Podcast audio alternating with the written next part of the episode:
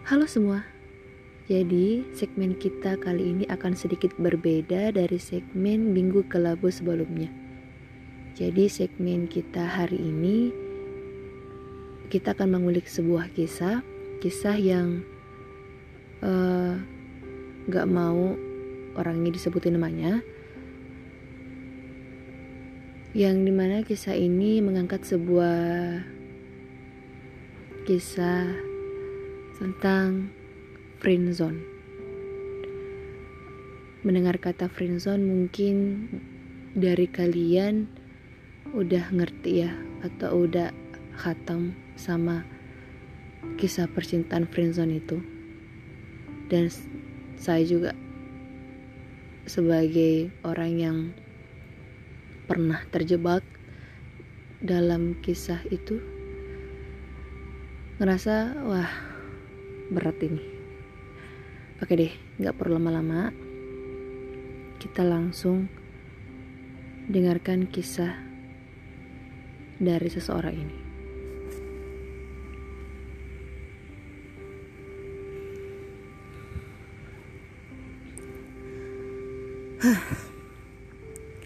Saya pernah suka sama sahabat saya sendiri. Oke, okay? Sahabat yang benar-benar berarti buat saya. Sahabat yang selalu ada kapan pun saya butuh dia. Iya, dia pernah jadi sahabat saya sebelum kita harus memberanikan diri untuk tidak saling bergantung satu sama lain. Dia nggak tampan, nggak putih, Kulitnya kusam bahkan semasa waktu sekolah pun dia seperti orang yang jarang mandi. Intinya dia biasa saja. Dia nggak istimewa dari segi fisik, tapi dia juaranya dalam bertindak. Dia adalah orang yang paling tahu masa lalu buruk percintaan saya. Dia orang yang paling mengerti apa yang saya nggak suka dan yang saya suka.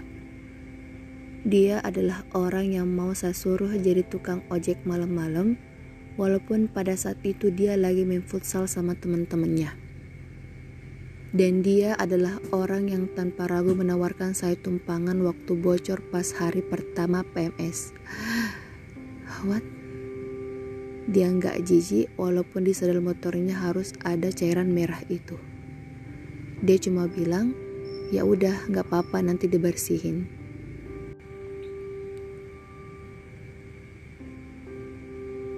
Istilah sahabat antara wanita dan pria tanpa benih-benih cinta memang mustahil. Ya benar.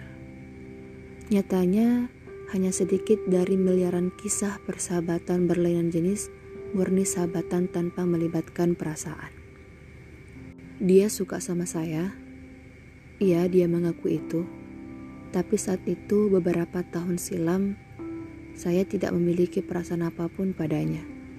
Saya hanya menganggapnya sebagai seorang teman berbagi, bukan sebagai seorang pria yang bisa saya sukai. Mungkin karena saat itu saya masih trauma dan malas untuk terikat dengan sebuah hubungan baru lagi setelah gagal menjalin hubungan dengan seseorang. Saya tahu alasan saya, dan lagi-lagi dia paham akan itu. Menjelang masuk universitas, kami mulai renggang Entah dari mana pikiran bodoh itu, saya bilang ke dia kalau saya mau jadi teman biasanya saja. Saya mau dia nggak nyimpan perasaan apa pun lagi. Saya mau dia cari kebahagiaannya sendiri. Karena kalau sama saya, dia cuma bisa tertekan dan gak bahagia. Hmm, jelas banget gak sih alasannya?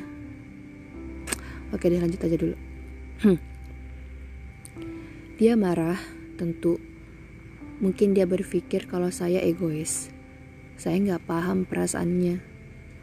Saat saya bilang mau lepas dia, dia cuma bilang kalau saya nggak berperasaan. Ya, saya tahu itu dan itu lebih baik daripada dia harus berada di sisi saya dengan alasan saya takut kenyamanan itu berubah menjadi sebuah perasaan takut kehilangannya. Karena saat itu saya mulai sadar kalau saya tidak hanya menganggapnya sebagai seorang teman berbagi saja, tapi sebagai seorang pria yang saya sukai. Ah, berat-berat. Sekarang pun setelah kejadian itu, kami sudah jarang bertukar kabar. Walaupun terkadang dia chat duluan tanya kabar, saya akan balas dengan sebisanya. Ya gimana ya, dia sudah ada yang punya soalnya. What what? Ini gimana sih ceritanya? Dan kayaknya gak etis banget kalau saya harus mengakrabkan diri sama seseorang yang udah punya pasangan. Meski kita masih temenan, bukan berarti saya seleluasa itu. Mungkin si cewek ini ngerasa kalau selama dia kenal sama cowok itu dia ngerasa cuma jadi bebannya aja. Jadi dia lebih memilih untuk tidak lagi jadi hal yang bisa jadi beban buat cowok itu. Mungkin kayak gitu sih. Nah di sini dia kayak nulis pesan buat si cowok itu. Dan semoga cowok ini baca. Oke ini dia pesannya saya cuma mau bilang sesuatu sesuatu yang mungkin gak pernah berani saya ungkapin langsung ke dia terima kasih Terima kasih sudah mewarnai masa remaja saya. Terima kasih sudah berbaik hati mau berbagi tempat curhat untuk saya. Terima kasih karena selalu membela saat teman-teman sekolah dulu sering menyalahkan saya. Kamu pantas dapatkan seseorang yang mau menghargai segala tindakan baikmu. Kamu pantas untuk dapatkan cinta yang lebih besar lagi. Karena di sini saya tidak lagi harus merasa berat melepaskanmu. Melihatmu bahagia rasanya saya tidak harus menyesali tindakan saya yang dulu. Selamat berbahagia untukmu, sahabatku.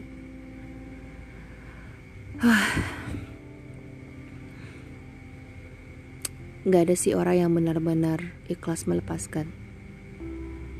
Tapi melihat orang yang kita suka, orang yang kita sayang bahagia itu emang kayak gitu sebenarnya. Kita ngerasa ada rasa lapang dalam diri kita. Ngeliat dia tertawa ngeliat dia nggak sedih lagi kita ngerasa cukup untuk itu. Bener nggak sih? Ah. Oke okay deh jadi um, kisah ini saya angkat dari kisah nyata. Ini bukan fiksi ya. Dan semoga dari kisah ini kita bisa ambil pelajaran, kita bisa ambil hikmahnya aja. Sebenarnya friendzone itu nggak salah sih, cuma friendzone itu hanya bisa dilalui oleh orang-orang yang berhati tangguh. Kalau dia nggak bisa ya harap lambaikan tangan.